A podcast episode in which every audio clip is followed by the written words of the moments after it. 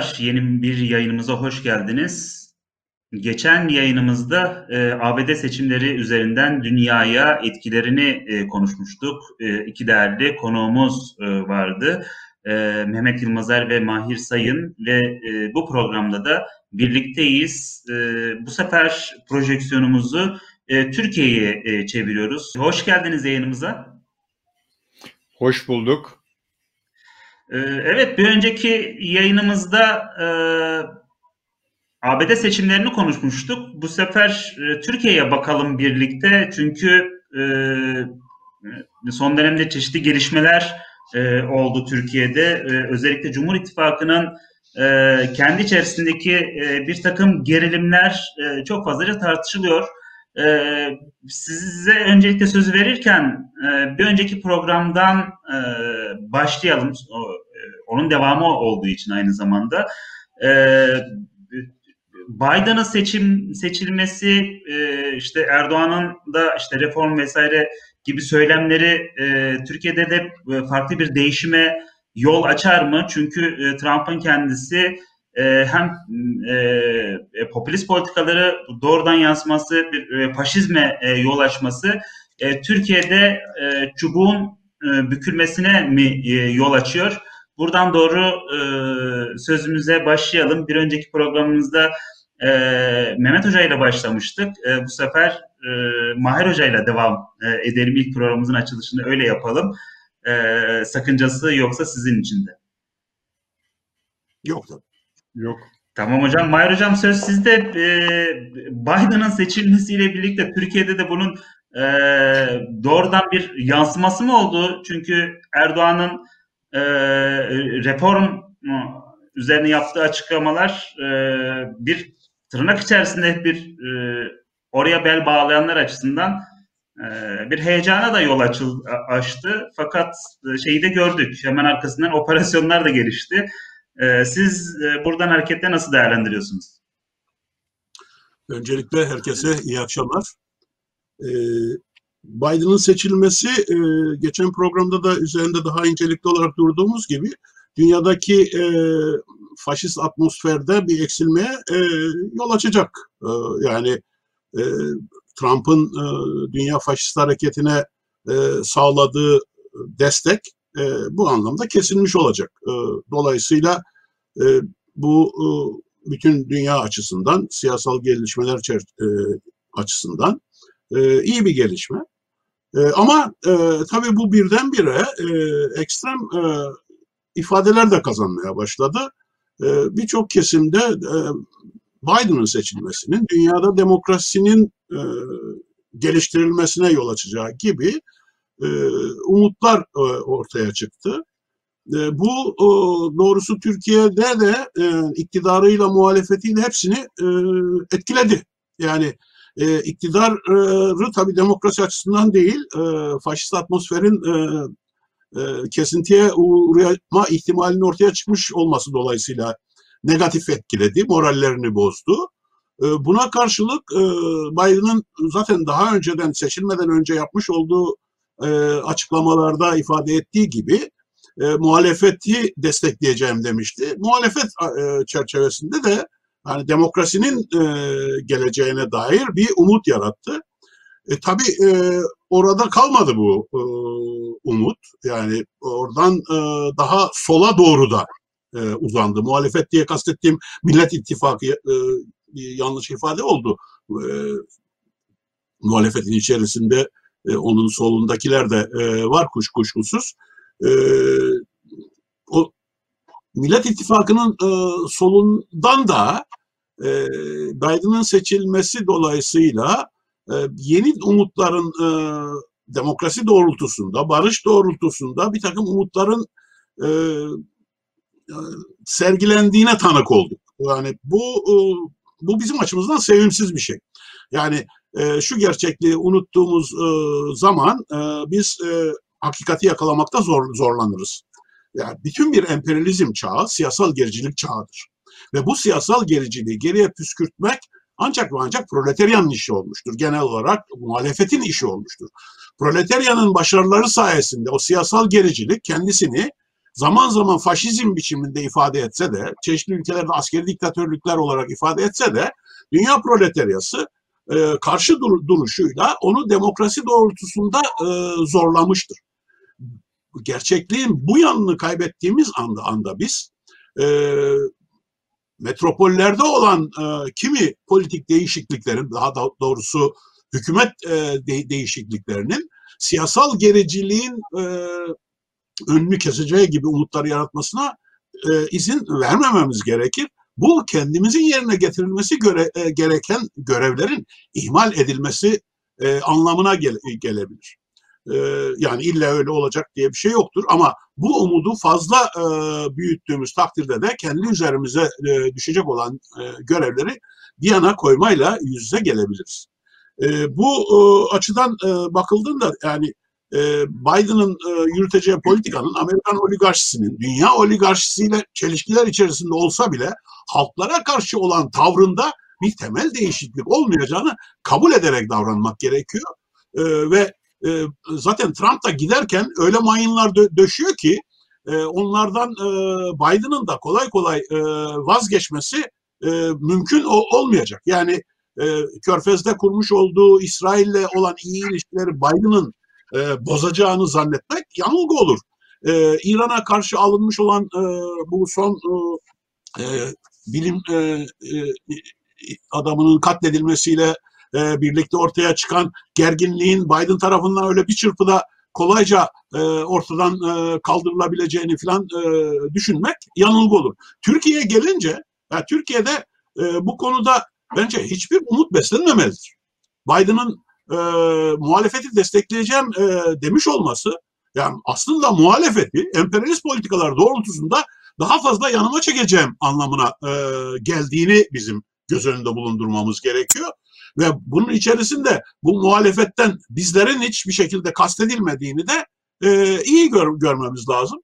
E, bu çerçevede e, baktığımız zaman e, biz demokrasi cephesinin e, daha da büyük e, atılımlarla e, bu demokrasi cephesinin esas olarak e, kutbu ola, olmaya aday olan e, HDP'nin e, bu konuda e, geçmişte e, örneklerini vermiş olduğu Türkiye politikalarını pekiştirmek ve güçlü bir biçimde demokrasinin gelişebilmesi için e, yani kendi sağında olan diyelim e, Millet İttifakı'nı zorlayıcı bir tutum içerisinde e, olmalıdır. Millet İttifakı bizi hiçbir şekilde çantada keklik olarak görmemelidir. Yani bizim e, AKP'yi AKP'ye kaybettirme politikamız e, Millet İttifakı açısından çantada keklik bunlar düşüncesine izin vermeyecek bir e, net çizgiler içerisinde sürdürülmesi gerekir. Bunu yapmadığımız takdirde zaten o ittifakın bize dönüp hiç bakacağı yoktur. Onlar nasıl olsa mecburlar oylarını bize verecekler çerçevesinde baktıkları zaman e, ya Türkiye'de demokrasi kaybetmiş demektir. Yani tabii ki demokrasinin e, kaybı da e, bizim kaybımız anlamına gelir. Mehmet Hocam, ABD seçimlerinin doğrudan Türkiye'de bir eksen değişimi ya da çeşitli e, olumluluk anlamda bir e, demokratikleşme e, gibi bir e, şeyi mümkün mü? Ya da e, şu an gördüklerimiz o reform vesaire yapılan e, açıklamalar e, bir yanılsamadan ibaret. E, bu sözde size verelim. Ee, yani demokratikleşme yönünde bir gelişmenin olması mümkün değil. Yani bu konuda e, Mahir de yeterince değindi. Herhangi bir hayal kurmanın hiçbir anlamı yok. Artı işte reformlar diye içinde ne olduğu tam belli olmayan açıklamaların da e, Biden'ın kazanmasından sonra e, ona göre şekilleneceğini düşünmek de tam bir hayal. Ben e, şuna değinmekle yetineyim. Biden daha Beyaz Saray'a gelmedi ama Temsilciler Meclisi'nden Türkiye'ye yaptırım konusu konuşulmaya başlandı. Yani biz e, kendi saflarımız açısından işte demokratikleşme ve benzeri mücadele yürütenler insanlar açısından baktığımızda e, bu buradan algılayacağımız hiçbir şey yok. Ancak iktidar e, bu konuda biraz daha tedirgin e, duruma gelmiş olabilir. E, Temsilciler Meclisi'nde işte S-400'lerden kaynaklanan özellikle e, yaptırımların e, ısın, ısındırılmaya başlandığını görüyoruz ve e, ayrıca Trump yönetimi de e, Pompeo'nun Yunanistan ve İstanbul ziyareti ardından işte İran'daki bilim insanının e, öldürülmesi bütün e, bunlardan e, Biden'ın kucağına e, belli şeyleri bırakmak e, istiyor. Fakat e, en büyük e, mevcut iktidar için en büyük sorun bugüne kadar attığı adımları Trump bir anlamda pas geçti. Yani işte S-400'ler, e, Suriye'deki olanlar ve benzeri gelişmeler. Şimdi onlar e, yavaş yavaş e, Türkiye'nin önüne konulacak. Hatta sanırım bugün Washington Post'ta bir yazı çıkmış. Türkiye S-400'lerin bir bedelini ödemelidir. İyi bir müttefikimiz de ama elimizden kayıyor. Bunun bedelini ödemelidir gibi bir yorum yapılmış. Dolayısıyla o tarafa doğru gidecek işler. Ancak e, Beyaz Saray'ın protokolü e, vakti ve gündemini düşündüğümüz takdirde ne zaman e, Türkiye tam masaya gelir onu e, öngörmek biraz zor. Fakat önce e, dünya dengeleri Avrupa'dan e, hareket edecek Biden. Onun altındaki dosyalarda e, Türkiye olabilir. Dolayısıyla iktidar e, Trump döneminden e, farklı olarak rahat e, olamayacak. E, diğer konuyla ilgili ise e, spekülatif bilgiler olduğu için e, değinmekte de tereddüt ediyorum. Halk Bankası e, davası artı e, Erdoğan'ın kişisel serveti konusunda e, sürekli e, ABD kulislerinde konu konuşulur, gider gelir ve e, bilebildiğimiz kadarıyla bu konuları Trump pas geçti. Bunların da e, gündeme gelmesi e, öngörülüyor, e, tahmin ediliyor. Dolayısıyla bütün bunları bir toparlarsak herhalde e, Biden ve e, Türkiye ilişkisi e, epey zorlu e, geçebilir. Buradan demokrasi veya ve benzeri şeylerle ilgili bir şey söylememize gerek yok. E, mevcut e, iktidarla ABD ilişkilerini yeniden düzenleyecek e, Ankara'yı biraz sıkıştırarak öyle görünüyor. Evet, e, peki Cumhur İttifakı içerisinde bir süredir e, çeşitli gerilimleri e, gözlemleyebiliyoruz. E, örneğin e, Berat Albayrak e, istifa etti ve istifa ederken de e, yaptığı açıklama, sosyal medyadan yaptığı açıklamada e, at izinin izine karıştığı gibi bir ifade e, kullan, kullandı.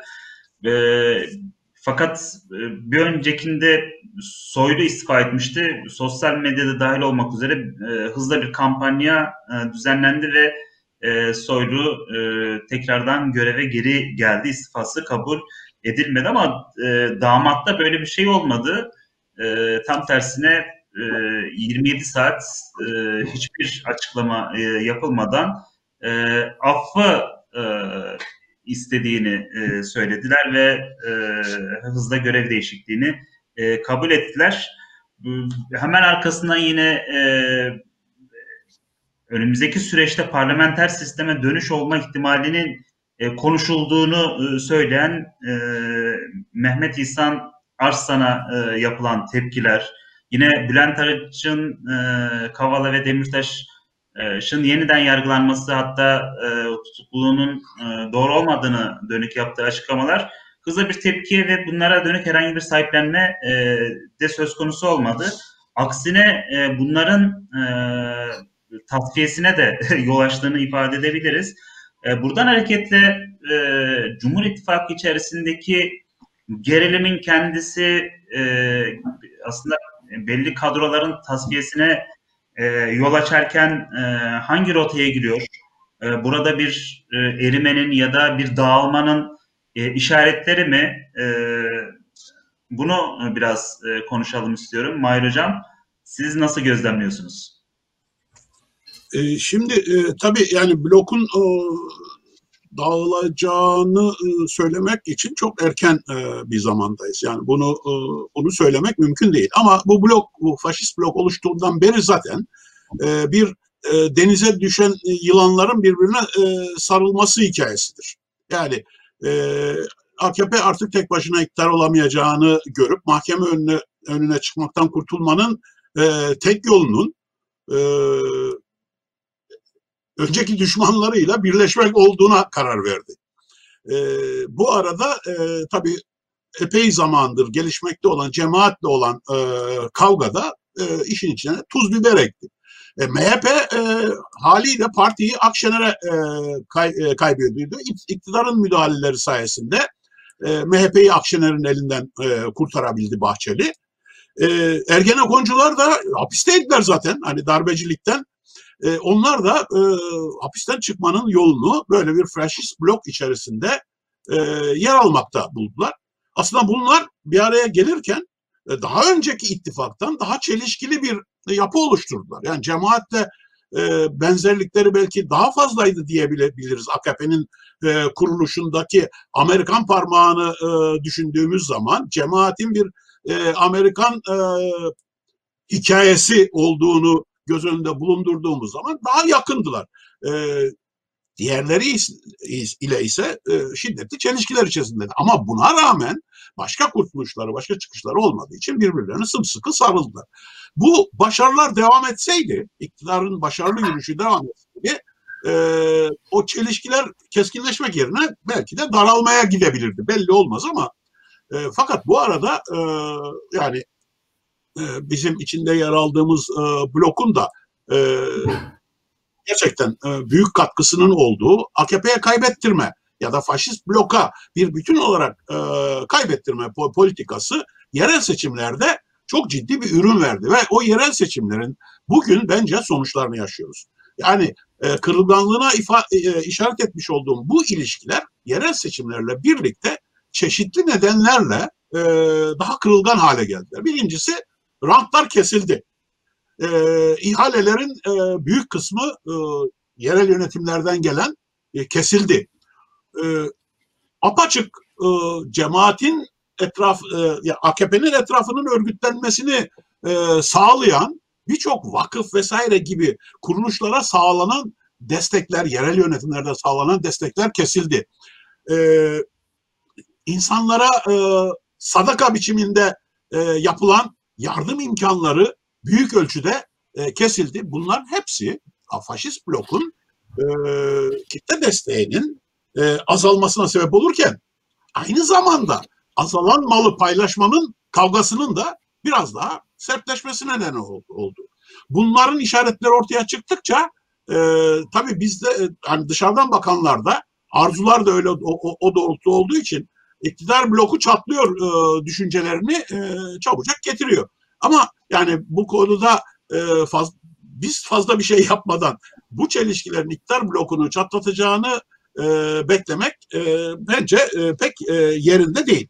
İkinci olan şey tabii ki bu seçimleri, e, yerel seçimleri kaybetmiş olmakla bir daha seçim kazanamayabilecekleri konusundaki düşünceler onların her birinin faşist blokun her bir bileşeninin yeni seçenekler e, aramak yollarına girmelerine sebep oldu. Ve bu da tabii ki kendi aralarındaki ilişkide kuşkucu bir yaklaşımın e, olmasına, ilişkinin her an kontrol edilir halde e, tutulmasına neden oluyor.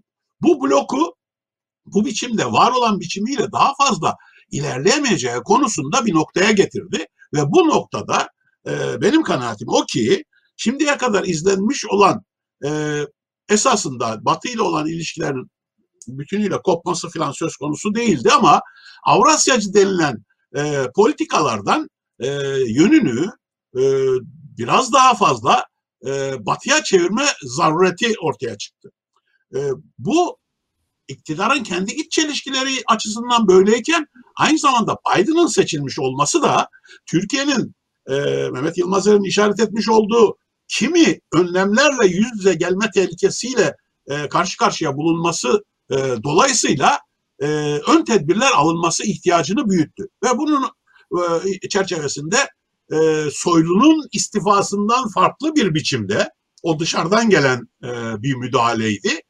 Bu defa içeriden müdahaleyle bir e, günah keçisi olarak e, Berat e, devrenin dışına atılıp Berat'la e, sürmekte olan politikalar değişikliğe uğratıldı. Ve e, o politikaları değişikliğe uğratmanın e, üreteceği eleştiriler de Berat'ın e, sırtına yüklenmeye çalışıldı.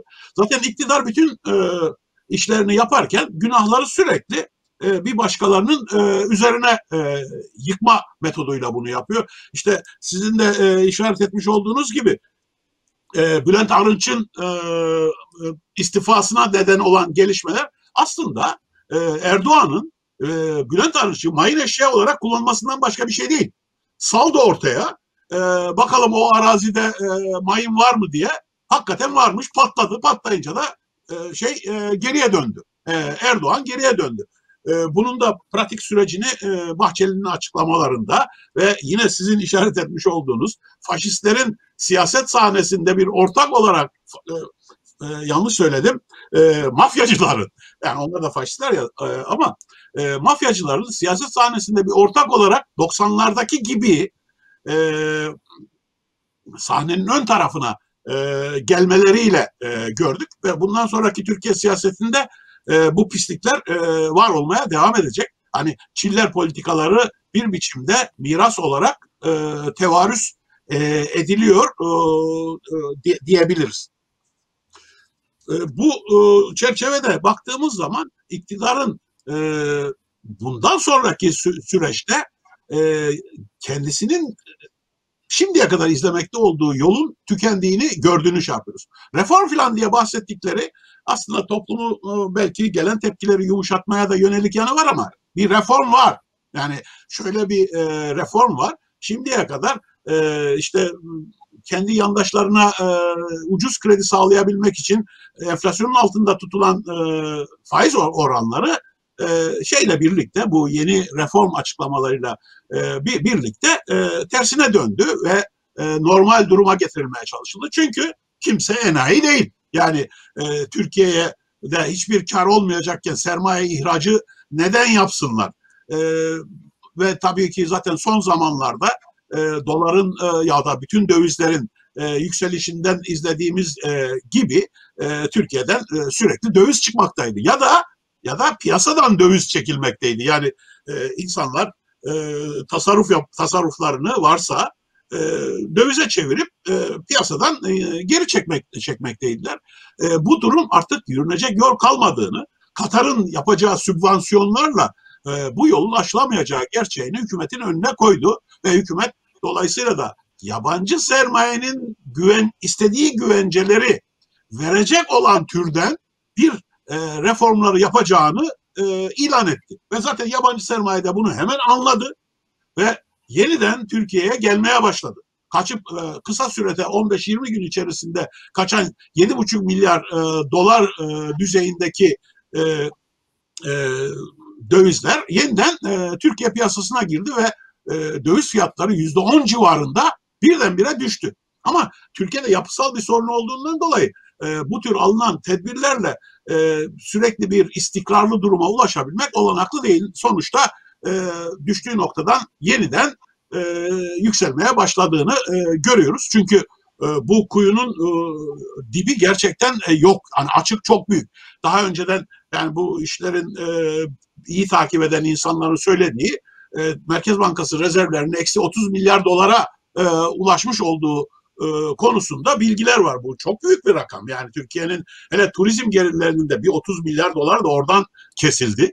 E, turizm gelirlerinin ortadan kalkmasıyla e, bir, birlikte de e, bu karşılanması mümkün olmayan e, bir noktaya ulaştı. Bunun bir tek karşılanabilecek yolu var artık e, borç alabilmek ya da doğrudan yabancı sermaye yatırımlarının e, Türkiye'ye gelebilmesini sağlamak. Hükümetin bundan sonraki politikaları tabii ki ağırlıkla bu doğrultuda olacak ve tabii sizin işaret etmiş olduğunuz Amerika'nın uygulayabileceği kimi ambargo ve e, işte Halk Bankası'na ağır cezalar e, gibi tedbirlerin e, gündeme gelmesine karşı da bir e, ayar yapmak e, nasıl diyeyim yani gelen darbenin şiddetini hafifletme açısından e, bu reform e, paketi çerçevesinde e, bir girişimler e, gelişiyor. Bunu da dünya sermayesi e, anladı. Yani onlarla hani bu reformlar ne olduğu bize hani ilan edilmeden daha ortaya çıkmadan bunları dünya sermayesine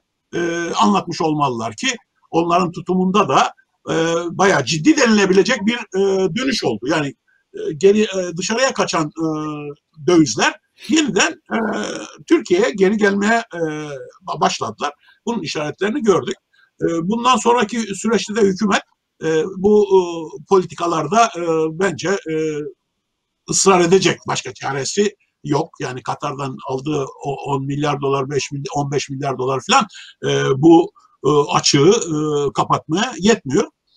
Bu arada tabii ki Avrasyacı denilen aslında kendilerinin bazılarının apaçık ne bileyim Rusya'nın ya da e, Çin'in maslahat güzarlığını e, yapan e, insanlarda oluşan telaşta da bu gelişmenin ne olduğunu izliyoruz.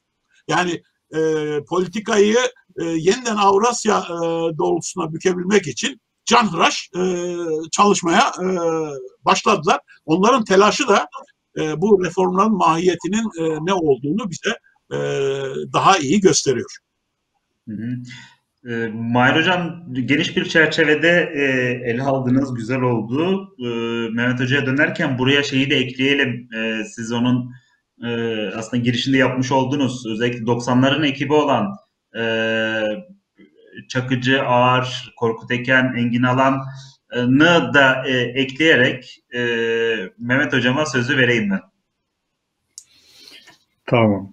Şimdi e, Cumhur e, İttifakı'nın geleceğiyle ilgili yarın bir çöküş beklemek gerçekten e, siyasi olarak hamlık olur, saflık olur. Ancak şunu vurgulayabiliriz. E, son mali seçimlerden sonraki e, gelişmeler işte Cumhur İttifakı galiba 2018'de kuruldu işte e, bir 4-5 yılı yaşadı. Mali seçimlerde Cumhur İttifakı'nın ayağının altındaki zeminin e, büyük ölçüde kaymakta olduğunu gördük. E, ve Cumhur İttifakı'nın amacı e, MHP'nin Erdoğan'a sunmasıyla başkanlık sistemini e, yürürlüğe geçirip işte Türkiye'yi uçurmaktı onların deyimiyle. Fakat gerçekliğe baktığımızda son yaşananlarla birlikte Cumhur İttifakı'nın misyonu önüne koyduğu hedef diyelim o çözüldü. Şu anda öyle bir hedef yok. Onun için rastgele gidiyorlar. Yani gündelik yaşamı kurtararak e, gitmeye çalışıyorlar. Bütün aldıkları tedbirler bunu e, gösteriyor. Onun için e, bunda AKP'nin içinde nerelerde kazan kaynıyor'a değinmek için bir iki şeyi yeniden tekrarlayacağım. Damat gitti, şeyinde atizi itizine karıştı tespiti önemlidir. Yani belli ki Cumhur İttifakı'nın mevcut durumu AK Parti içinde artık derinliği nedir, yaygınlığı nedir bilmiyorum ama bir e, tepki yaratıyor. Zaten sonumuz hayırlı olsun diye de bitirdi. Belli ki e, bu ekip bir gelecek görmüyor. Onun dışında e, Bülent Arıç'ın e, şeyi işte Kavala'nın ve Demirtaş'ın isimlerini vererek bir yoklama yapması. Mahir Sayın'ın tespiti doğru. E, mayın patlayınca uçtu e, şeyden e, istifa etti. Fakat o da gene AK Parti içinde bir kaynama noktasını işaret ediyor. Ee, yani bu konu zamanı gelmedi mi e, biçiminde AK Parti içinde tartışılıyor e, belli ki. Çünkü Cum Cumhur İttifakı'nın öbür kanadı bu konulara tümüyle e, kapalı. Fakat o, bu konulara kapalı olunduğunda da nereye kadar gidecek bu ittifak dünyayı düşünürsek o anlamda çok tartışmalı noktaya geldi artık. Büyük sancılar yaratıyor AK Parti içinde belli ki. Üçüncü olarak da şeye değinmek istiyorum. İhsan Arslan e, medrese eğitimi görmüş Kürt kökenli e, vekilin BBC'ye yaptığı galiba e, konuşmada iki noktaya e, ağırlıklı değinmişti. Bir tanesi Kürt sorunu. E, bunu beceremedi AK Parti ama bu sorun gene gündeme gelecek. Dolayısıyla e, bu konunun e, geçildiğine, atlandığına dair e, düşünmek hata olur. Bu tespit önemli. Bu da AK Parti içinde özellikle Kürt kökenli milletvekillerin içindeki bir tartışma ve gerilim noktası olarak algılamamız gerekiyor. Bir diğer e, vurguladığı nokta ise parlamenter sisteme e, dönüş uzak değil e, tespitini yapıyor. Dolayısıyla bunların hepsi yani Bülent Arınç'ın, e, damadın, e, İhsan Arslan'ın e, tartışmaları AK Parti içindeki çeşitli e, tartışma yönlerini, kaynayan kazanların niteliğini tanımlıyor. Bu anlamda önemli. Buradan AK Parti içinde bir çözülmenin e, başladığını e, tespit etmeliyiz. E, Erdoğan'ın e, tutma gücü, işte kol e, kırılır yen içinde kalır e, geleneğinin artık sürmesi pek mümkün görünmüyor. E, mutlaka önümüzdeki günlerde yeni e, çözülmeler, bu tür kopmalar ortaya çıkacak. Dolayısıyla e, bugüne kadar Cumhur İttifakı'nın e, yürüttüğü politikaların AK Parti içinde yarattığı tepkilerini e, algılamış olduk. E, bir diğer e, nokta Avrupa Birliği'ne dönüş şeyi. Bu bence önemli. Yani buradan demokrasi konusunda reformlar çıkartmak falan anlamında değil. E, bölgede güç olma hevesi Ankara'nın ona son 2-3 yılda işte Suriye'de, Libya'da en son e, Kafkaslar'da adımlar attı. Bir de Doğu Akdeniz'de. Bölgede güç olma e, konusundaki e, niyeti sanki gerçekleşmek üzereymiş gibi bir algı yarattı politikada. Kimi akademisyenler işte alt emperyalizm ve benzeri e, tespitlerle bu konuda e, konuyu çerçevelendirmeye çalıştılar. Türkiye'nin e, son e, biz geleceğimizi Avrupa Birliği'nde görüyoruzun e, görüyoruz tespiti Erdoğan'ın açıklaması. Bunun samimiyetini olur olmazlığını tartışmıyorum. Böyle bir dönüş yapma, böyle bir açıklama yapma e, şu gerçekliği e, ortaya çıkartıyor.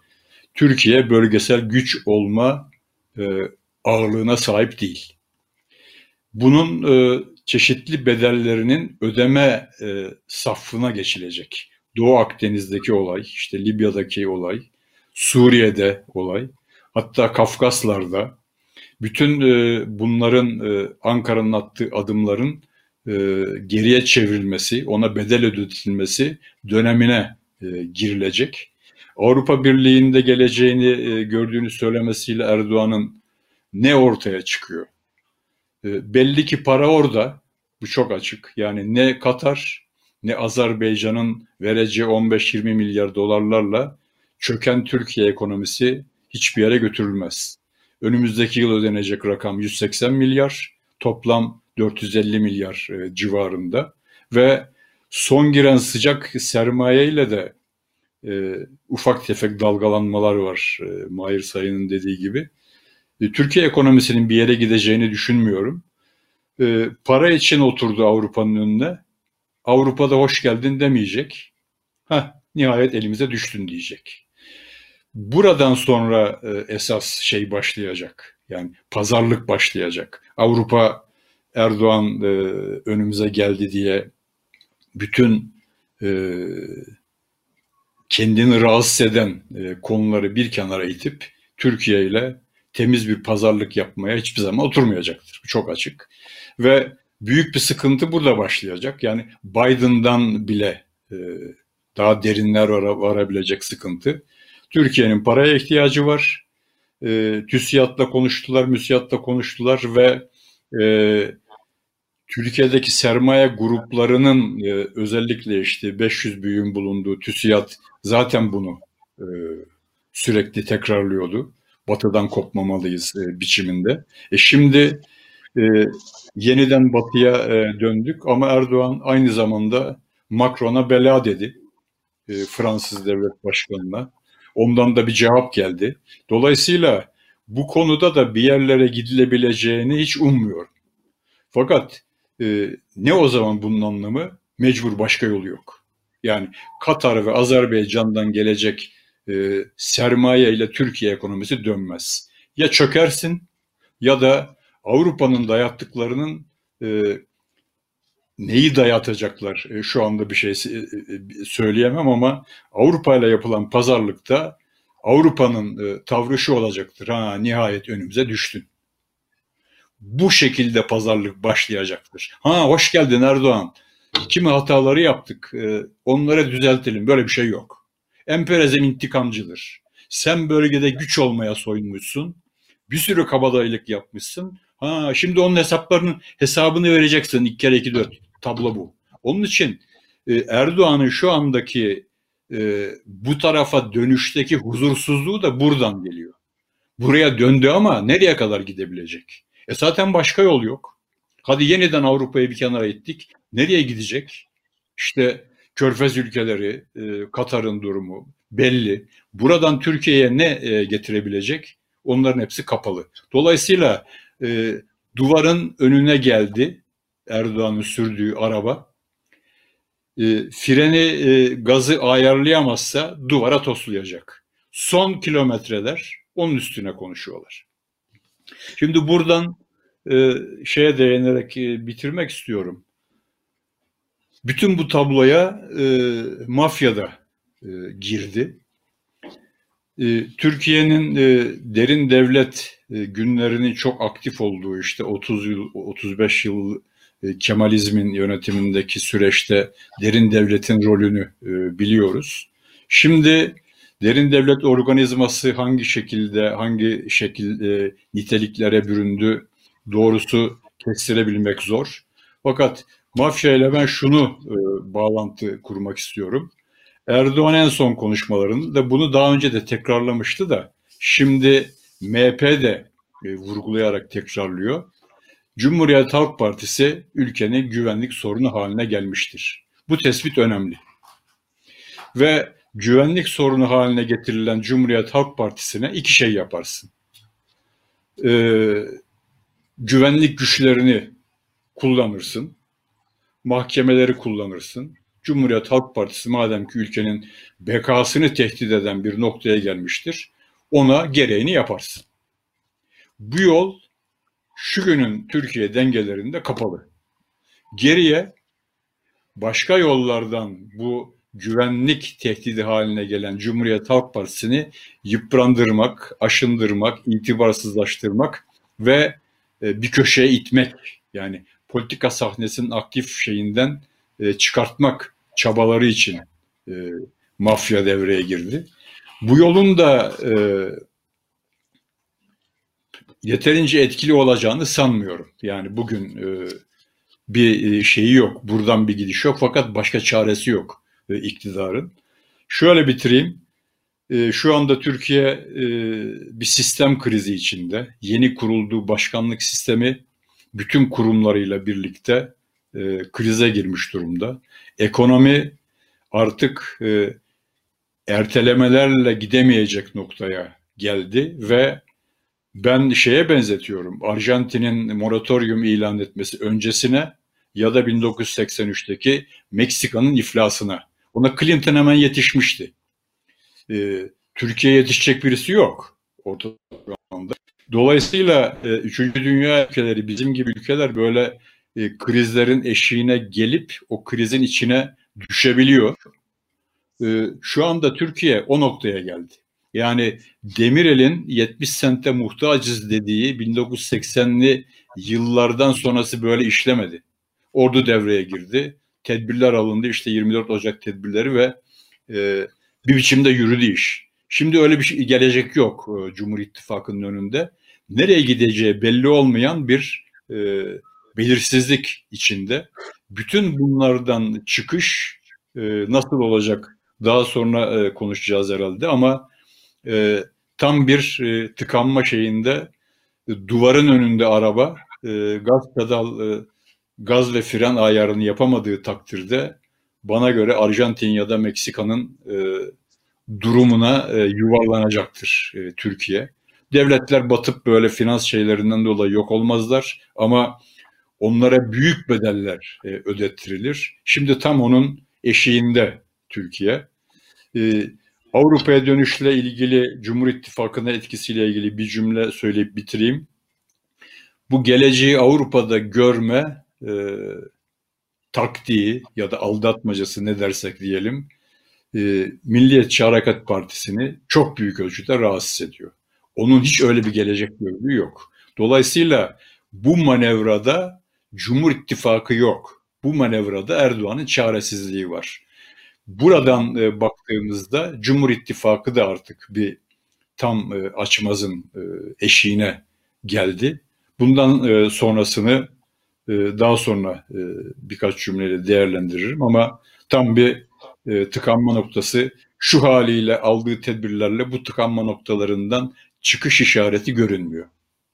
Peki hocam şeyi sormak istiyorum. Çakıcı'nın e, Kılıçdaroğlu'nu tehdit etme meselesinin e, aslında e, önümüzdeki süreçte Erdoğan'ın Bahçeli'den e, kurtulup Millet İttifakı ile yan yana gelme olasılıklarının önünü almak için e, atılan taktiklerden birisi olduğu e, yorumları var. Siz buna katılır mısınız?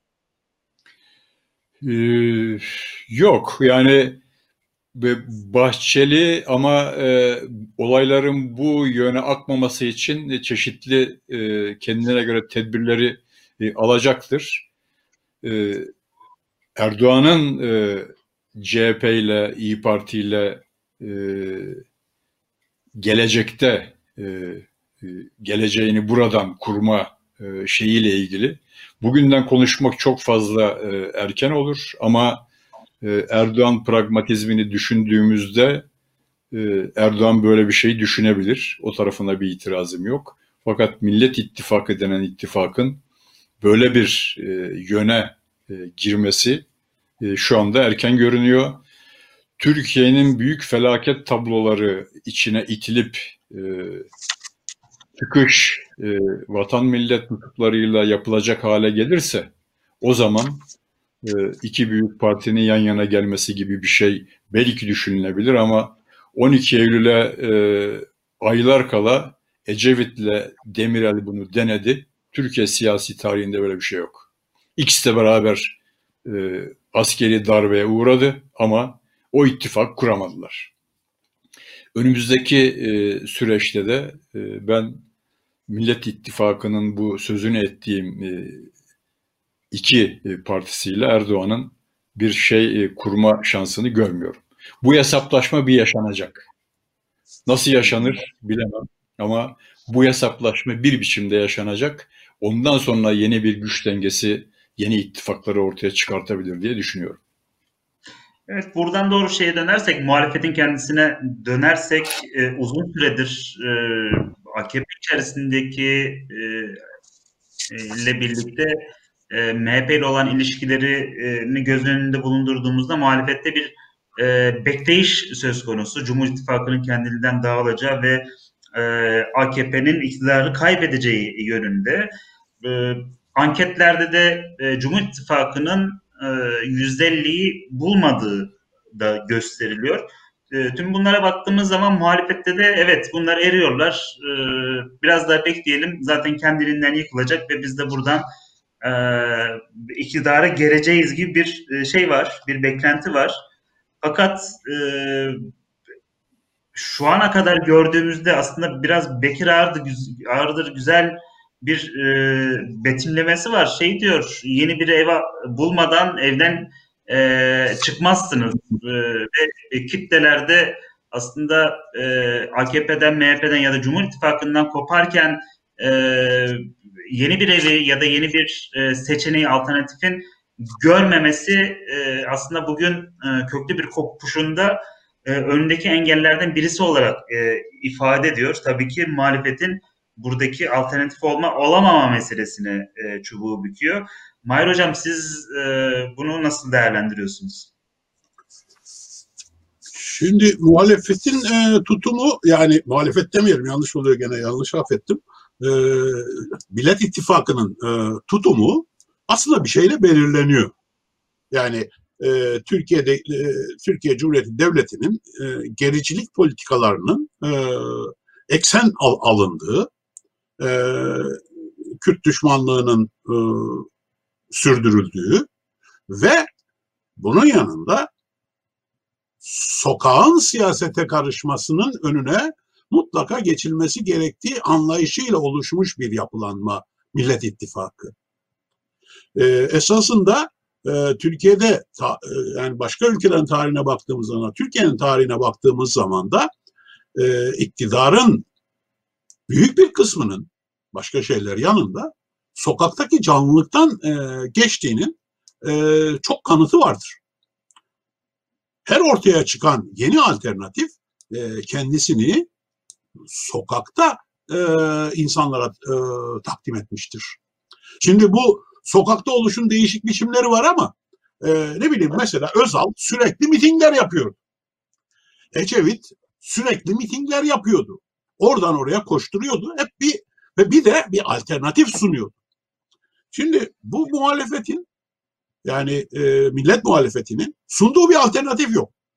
Yani eskiye döneceğiz diyor. Eskiye döneceğiz demek e, Türkiye'de insanlara çok fazla bir şey vermez. Bazılarımız için bu şöyle bir şey anlatıyor tabii ki. Yani e, başkanlık sistemi mi olsun, parlamenter sistem mi olsun, kuvvetler ayrılığı yine egemenliğini sürdürsün mü, sürdürmesin mi? Bu bir kesim için tabii ki bir anlam ifade ediyor. Ama yani 80 milyonun bütünü için aynı anlamı e, taşımıyor bu. 80 milyonun bütünü bunun yanında, bunun yanında hangi koşullarda yaşayacağız? Yeni durumda nasıl bir gelecek içinde olacağız? E, sorusunun cevabını bekliyorlar. Bu sorunun cevabı ya eskisi gibi olacağız olduğu zaman oradan size ekmek çıkmaz. Mutlaka ve mutlaka eskinin sıkıntılarını yaşayarak bu faşist iktidara desteklemiş olan insanların yeni olarak ne aramakta olduklarına cevap olacak, onların e, taleplerine cevap olacak olan bir alternatifin ortada olması lazım. Şeyin böyle bir e, alternatifi yok ve onlar şöyle düşünüyorlar, basit, çok basit düşünceleri. İktidar sürekli yanlış yapıyor. Yanlış yaptıkça da kaybedecek. Yok öyle olmuyor. Yani sürekli yanlış yaptığı için kaybedilmiyor. Ancak ve ancak muhalefet sürekli doğru yaparsa, doğru alternatifler ortaya getirebilirse o zaman iktidarın yanlışları da yığınların gözünde tavır değiştirmeye yol açar. Sizin ifade ettiğiniz e, laf Vekir Ağırdır'dan aktardığınız laf çok yerindedir. Herkes öyle bakar. Eğer bir yerden bir, bir evden bir başka eve taşınacaksa önce başka bir ev bulunması lazım. Başka ev bulunmadan eşyaları sokağa çıkarıp ondan sonra ev aramak pek akıl kârı değil. Ha böyle bir cemaat de var Türkiye'de aslında. Yani eşyaları boşaltmışlar, evden çıkmışlar. E, bu kararsız e, dediklerimizi böyle e, tarifleyebiliriz. Sokakta çadır kurup yaşamaya başlamışlar. Yani eski evde durmak da ağır bir sıkıntı haline gelmiş. Ama muhalefete de gitmiyor buradan doğru. Girecek, gidecekler ama girecek ev yok. Çünkü Millet İttifakı bunu sunmuyor. Kürtleri dışlıyor. E, Kürtleri dışladığın zaman Türkiye'de başka çok şeyi dışlıyorsun. Yani Kürtleri dışlamak demek otomatik olarak demokrasiyi dışlamak demek. Demokrasinin ince ince e, öğelerini e, dışlamak demek. E, bunu yaptığınız zaman e, sizin de e, değerlendirmeniz iktidara benzeyen notlarla olacaktır. İkincisi insanlar böyle bir e, e, böyle bir alternatif ortaya atıldıktan sonra bunun gerçekten sayıcı savunucusu insanlarla yüzlü olduğunu bilmek ister. Onları sürekli bir karşısında görmek ister. Dinamik olduklarını, söylediklerini gerçekleştirebileceklerini görmek ister. E, Millet İttifakı'nın böyle bir şeysi yok. Millet İttifakı bekliyor ki çürüyen bir iktidar var. O iktidar çürümeye devam ettiği müddetçe Kürtler de çantada keklik bize nasıl olsa oyları verecekler bunlardan kurtulmak için. İktidar da bizim ağzımıza olduğu gibi dağın altında beklerken düşecek. Böyle bir şey yok. Yani e, Lenin'in ihtilal için kullandığı bir laf var ama siyasal iktidarların e, yani e, hükümetlerin değişmesi için de e, bu laftan e, ilham al, e, alınabilir. Bir bir siyasal rejim ne kadar çürürse çürüsün onu vurup devirecek bir karşı güç olmadığı müddetçe o sistem ortadan e, kalkmaz e, derleniyor.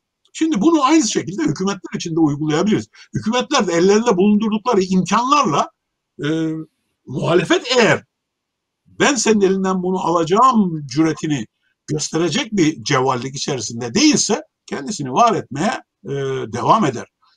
Belki çok uzun yıllar sonra mesela Franco faşizminin e, kendi içinde e, çürüye çürüye kendi ağırlığı altında çökmesi gibi durumlar ortaya çıkabilir ama 50 sene geçer yani. Yani e, bu yani bir dahaki seçim bizim konuştuğumuz bir dahaki seçimlere kadar e, 2023 yani o, o, o kadar. E, o zamana kadar AKP yeni numaralarla, yeni manevralarla bu muhalefeti güder. Ve zaten kendileri de şöyle söylüyor. Allah herkese böyle muhalefet nasip etsin. Bu yoldan bu yoldan yüründüğü müddetçe e, biz e, yani toplumdaki muhalif e, atmosferin eritildiğini görmekteyiz. Burada bana göre HDP'ye çok büyük görev düşüyor. HDP var olan toplumsal muhalefetin bir üçüncü kutubunu oluşturma yoluna girmeli.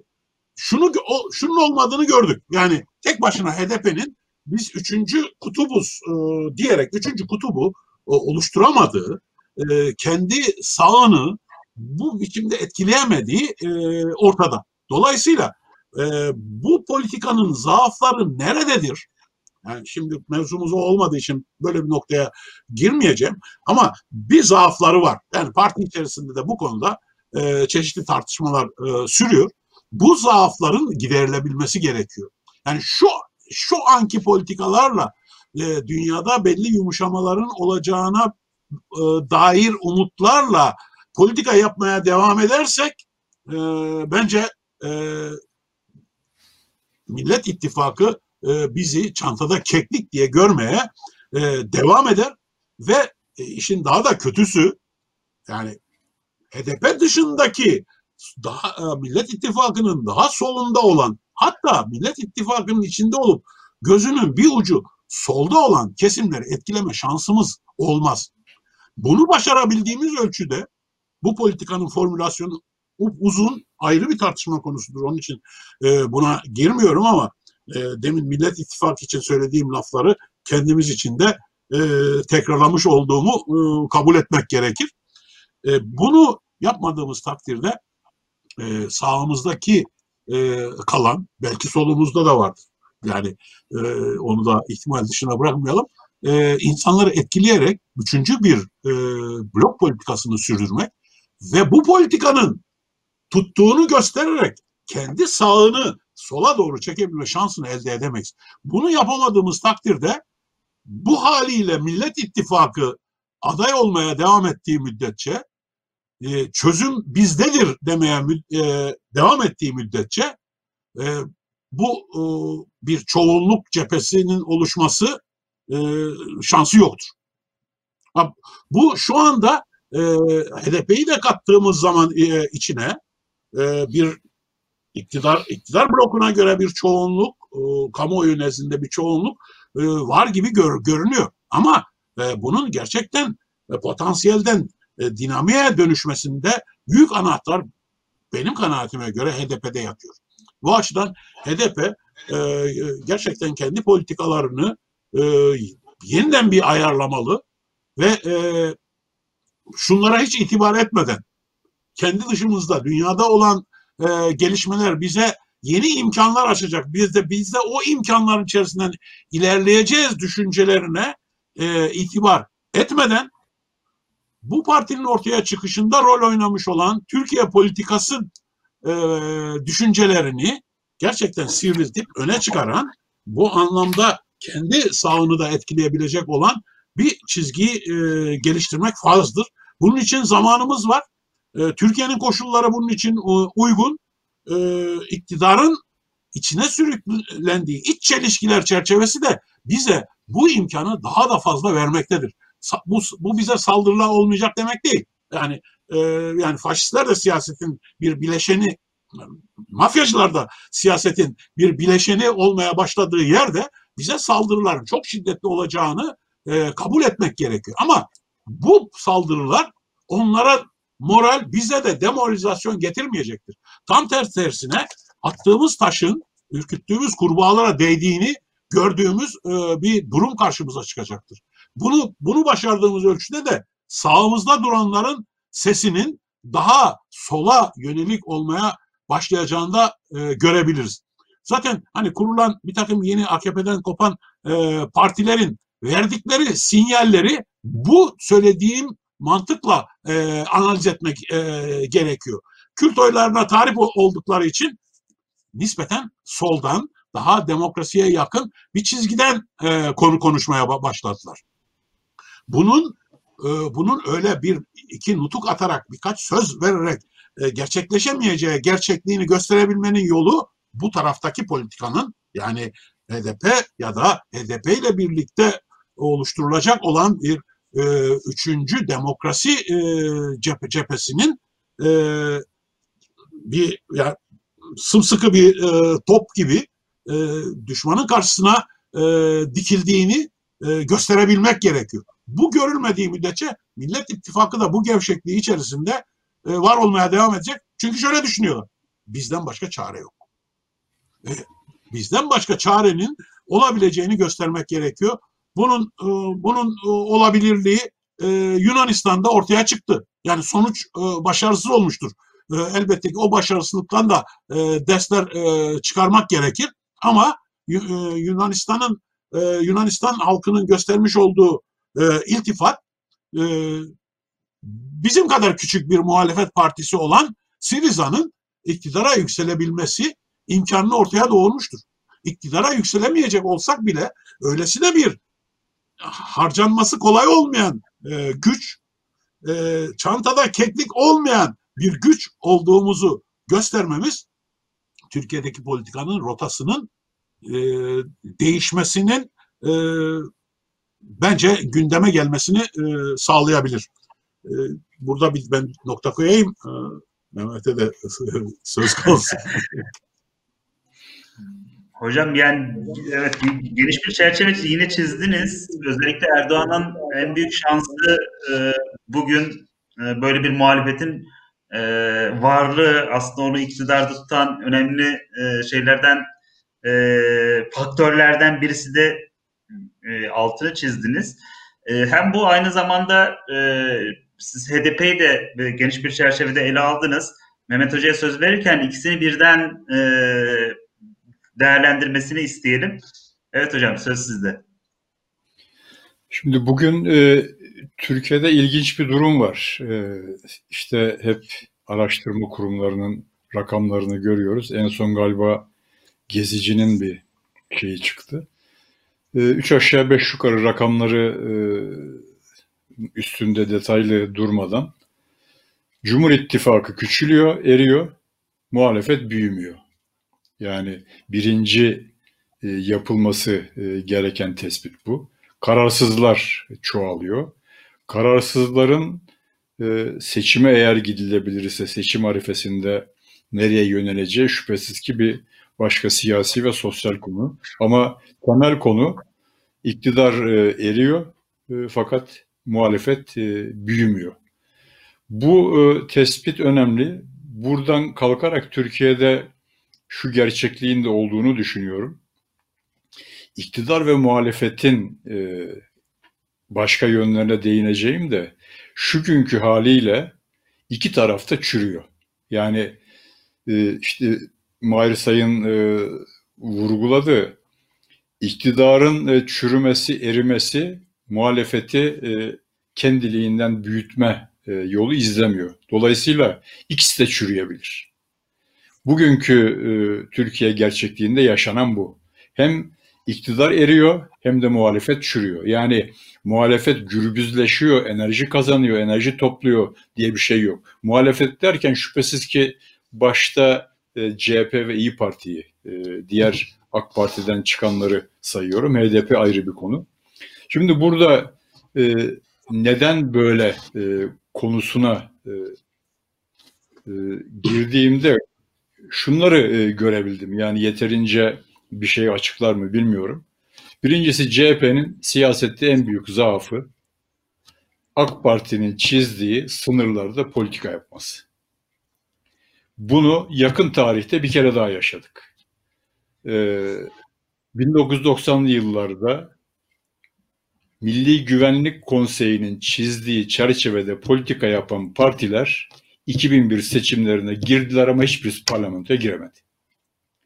Dolayısıyla e, AK Parti'nin çizdiği sınırlardan politika yürütürsen bir şansın yok. Bu çok açık. Sınırlar ne? Fazla detaya gerek yok. E, vatan millet üstüne, BK üstüne çizilen sınır, Kürt sorunu üstüne çizilen sınır temel. Bir de son Doğu Akdeniz'le birlikte Mavi Vatan e, çıktı. E, bu çerçeveden baktığımızda AK Parti'nin çizdiği çerçeve bu. Sen bunun içinde kalıyorsun. Geriye sadece işte tam açık olmayan e, biçimde e, yoksulluktan, ekonominin kötü gitmesinden e, bahsediyorsun. Fakat ondan öteye bir şeyin yok. Üstelik Mahir de söyledi, e, bir enerji, umut yaratmıyorsam ki bu çeşitli e, meşru gösterilerle sokağa çıkarak e, olur. Buradan e, bir enerji üremesi mümkün değil.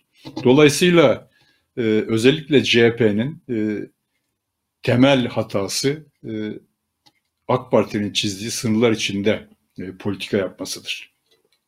Buradan e, siyasetin başka bir özelliğine geliyoruz. Son e, yılların, son dönemlerin özelliğidir. E, bir dönem Türkiye politikalarında devletçi ekonomik kalkınmayla işte liberal ekonominin hep yarışı olurdu. E, işte Menderes'le e, başlamıştır. Şimdi devletçi e, model yok. Dolayısıyla burjuva düzenleri içinde buna biz de dahiliz. E, dışımızdaki e, bir sürü ülke de dahil.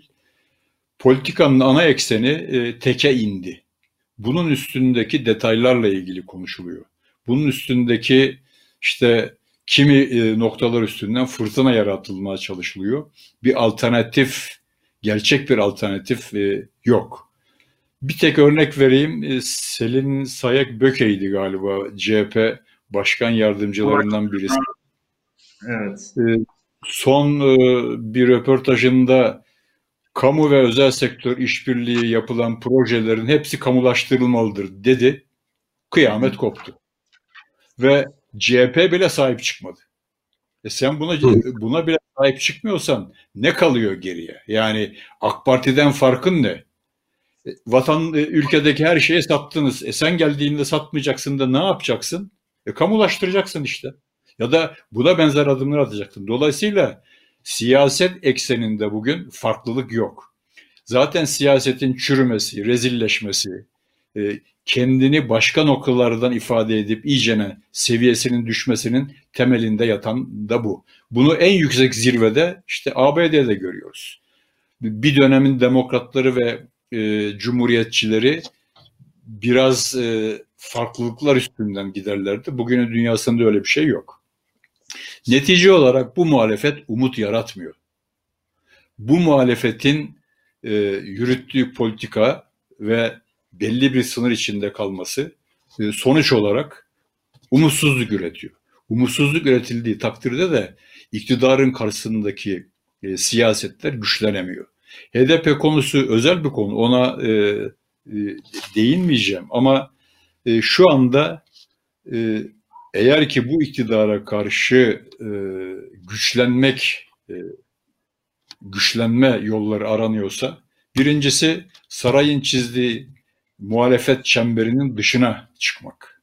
Bu özellikle CHP için ve İyi Parti için gerekli. HDP bu konuda e, kimi adımlar atsa da yeterli değil şüphesiz. İkincisi HDP ile cesur ve açık ilişki kurma e, tavrını ortaya koyabilmek. Üçüncüsü sokağa çıkabilmek. Yani biriken öfkeyi, enerjiyi örgütlediğini, harekete geçirdiğini kanıtlayamazsan salı günleri meclis konuşmasından hiçbir parti güçlenmez. İktidarda olanlar e, güçlenir. Çünkü bütün güçleriyle her yolu e, tıkayabiliyorlar. Netice olarak e, muhalefetin geldiği nokta bu. Bu konular aşılmadığı takdirde muhalefette iktidarda çürür ama Mahir'in dediği gibi iktidardaki bütün gücünü e, gücüyle ayakta durabiliyor. Omuz atılmazsa düşmez. O zaman geriye e, muhalefetin e, çürmesi kalır. Burada e, sonuca gelirken e, şuna değinmek istiyorum. E, iktidar gene bir gerilim politikası üstünden gidecek. Nereyi e, gelecek? Bugünden e, öngörmek biraz zor. Ama ben şuna dikkat etmek istiyorum. Eğer kış e, aylarını Erdoğan sağlam geçirebilirse yani ekonomi çöküp başka kıyametler kopmazsa e, bölgesel güç olmak için yarattığı, attığı bütün adımlar şu anda tıkandı. Bir tanesi kaldı. Fırat'ın doğusu ve Kandil'in eteklerine Barzani'nin güçlerine yığılma sonucunda oradan bir operasyon. Bunu e, sürekli e, izlemek ve aklımıza tutmak gerekiyor. Buradan bir gerilim e, yarattığı takdirde gene muhalefetin bir şansı kalmaz. Yaratabilir mi? Nereye kadar gider? Biden yönetimi, Biden'ın Suriye'deki e, gelişmelere müdahalesi hangi yönde olacak gibi e, konular e, bunun içinde. E, dolayısıyla illa hükümet e, saray bunu yapabilir diye dem, e, demiyorum. Fakat böyle bir olasılık var. Gerilimi eğer ki işte İmamoğlu e, e, Kılıçdaroğlu'na suikastlerle ya da bunların söylemiyle e, yürütmek seviyesinde kalmayacaksa e, Cumhur İttifakı ki o hiçbir şey kazandırmaz. Geriye e, böyle bir e, adım kalıyor. Bir e, başka bir tespitte daha bitireyim. Türkiye böyle kriz günlerinde ben çok sık tekrarlarım. Çözüm için bir denklemi vardı. Ordu müdahale ederdi. Çürümüş siyaseti bir kenara iterdi. Yeniden şekillendirirdi. Şimdi o adım yok. O zaman ne olacak bilmiyoruz. Gerçekten Türkiye şu anda önemli e, Cumhuriyet tarihinin belki de en önemli krizlerinden birisinde.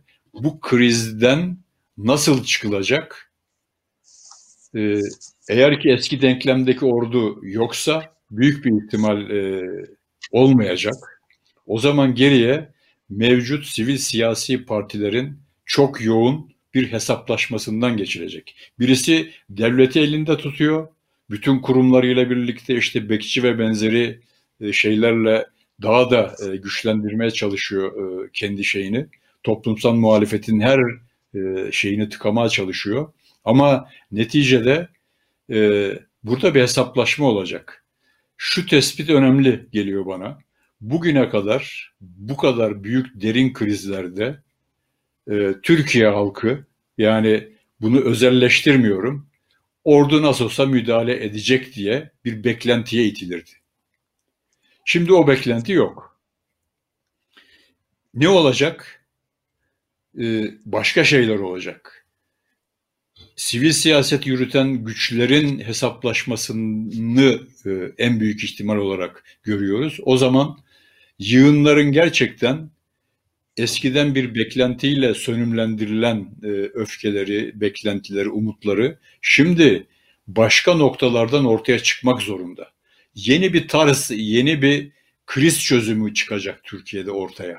Zaten bu yeni çıkamazsa ikisi de çürüyor ama iktidardaki çürüyen kendi iktidarı tutmaya e, başarabilir.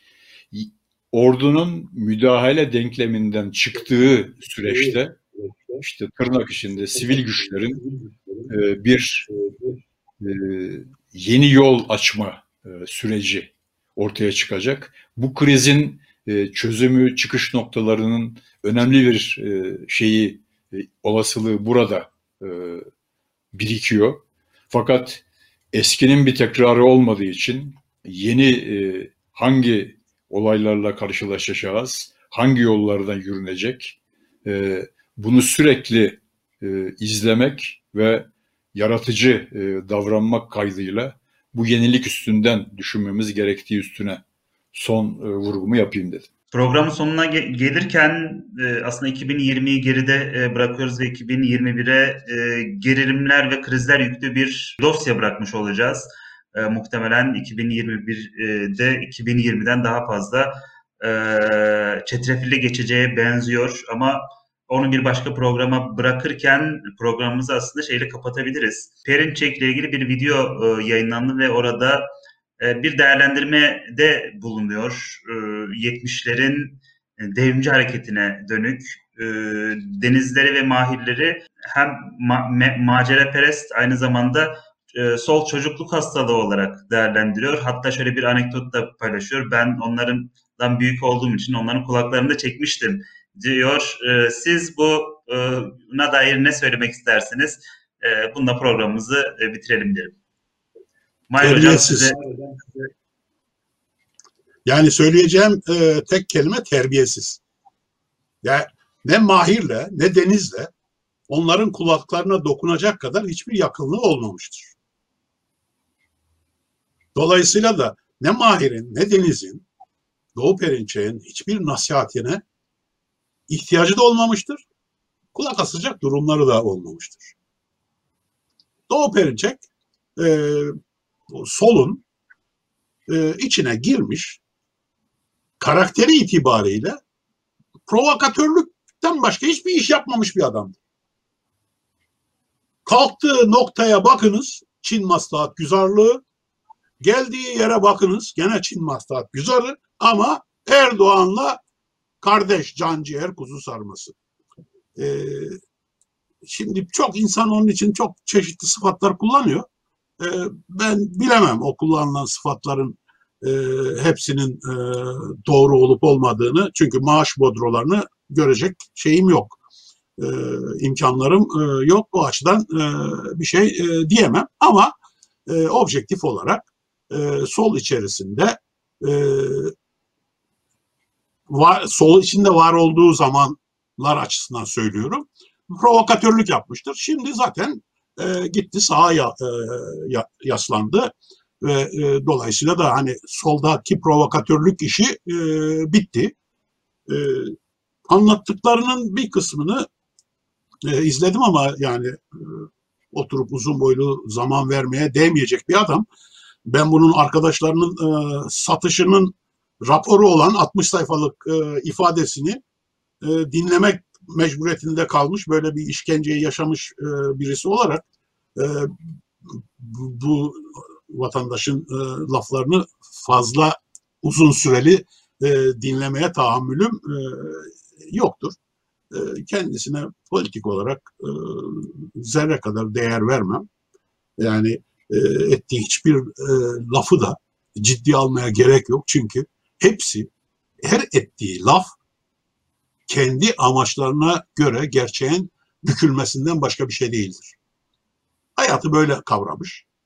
E, kendi durduğu noktaya her şeyin uyması gerektiği inancında olan e, ama olduğu nokta da sürekli değiştiği için başı dönen e, bir yani politikanın top toplayıcısıdır diyebilirim. Yani hiçbir zaman için maçın içerisinde olmamıştır. Sahanın dışına çıkan topları toplamakla uğraşmıştır. Şimdi de gene aslında e, aynı şeyi yapmaktadır. Top topluyor ama e, futbolcu zannediyor e, kendisini. Söyleyebileceklerim bu kadardır. Mehmet Hocam son sözü size verelim ve e, programımızı e, bitirelim. Siz ne dersiniz bu konuda? Yani Mahir'den sonra bu konuda konuşmak pek yer şey doğru olmaz. O daha yakındı ama benim de bildiğim e, Alaydınlık, Akaydınlık bölünmesinden sonra Akaydınlığın lideri Doğu Perinçek'ti. Doğu Perinçek'in devrimci hareketteki rolü sürekli provokasyon olmuştur. Ve 12 Eylül'e hele yaklaşırken Aydınlık Gazetesi'nde e, devrimcilerin adreslerini krokileriyle e, polise ihbar eden bir tiptir. 12 Eylül e, yaklaşırken bazı generallerin e, bunu ona çok yakın bir isimden de e, duydum.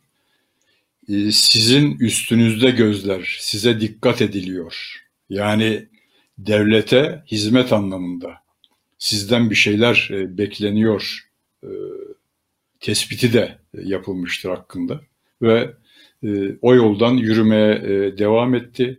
ideolojik olarak e, değerlendirmeye artık hiçbir şekilde gerekli değil. Ama şu anda bulunduğu nokta zaten işte Avrasyacı çizgiden nereye gidecekse bir geleceği yok. Politikanın e, provokatörüdür ve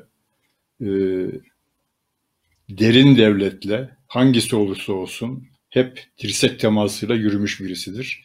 Bugün o özelliklerinden, e, bu özelliklerini kaybetmedi. Hala aynen devam ediyor. Evet.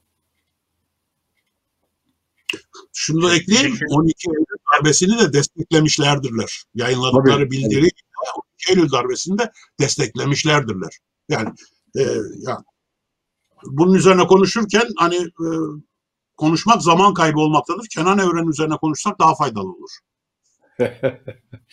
evet. Evet. Umarım ileriki programlarda mutlaka konuşuruz. Biz ağırlıklı olarak bu yılın sonuna doğru mutlaka bir HDP dosyasında açalım derim. Çünkü siz bir başlığı açmış oldunuz. Ayrıca tartışmaya aslında muhalefetin ve üçüncü cephe diye tariflediğimiz cephenin kendisinde ayrıca ele almakta fayda var. E, biri ölürken diğeri de doğmuyor e, maalesef. Buraya dönük de tartışmalar son derece e, kıymetli olduğunu e, düşünüyorum. Çok teşekkürler. E, gerçekten verimli bir program oldu. E, bir başka programda e, görüşmek dileğiyle e, iyi, iyi akşamlar diliyorum. Teşekkürler. İyi akşamlar. Ben de size başarılar ve iyi akşamlar diliyorum. Program için de teşekkürler.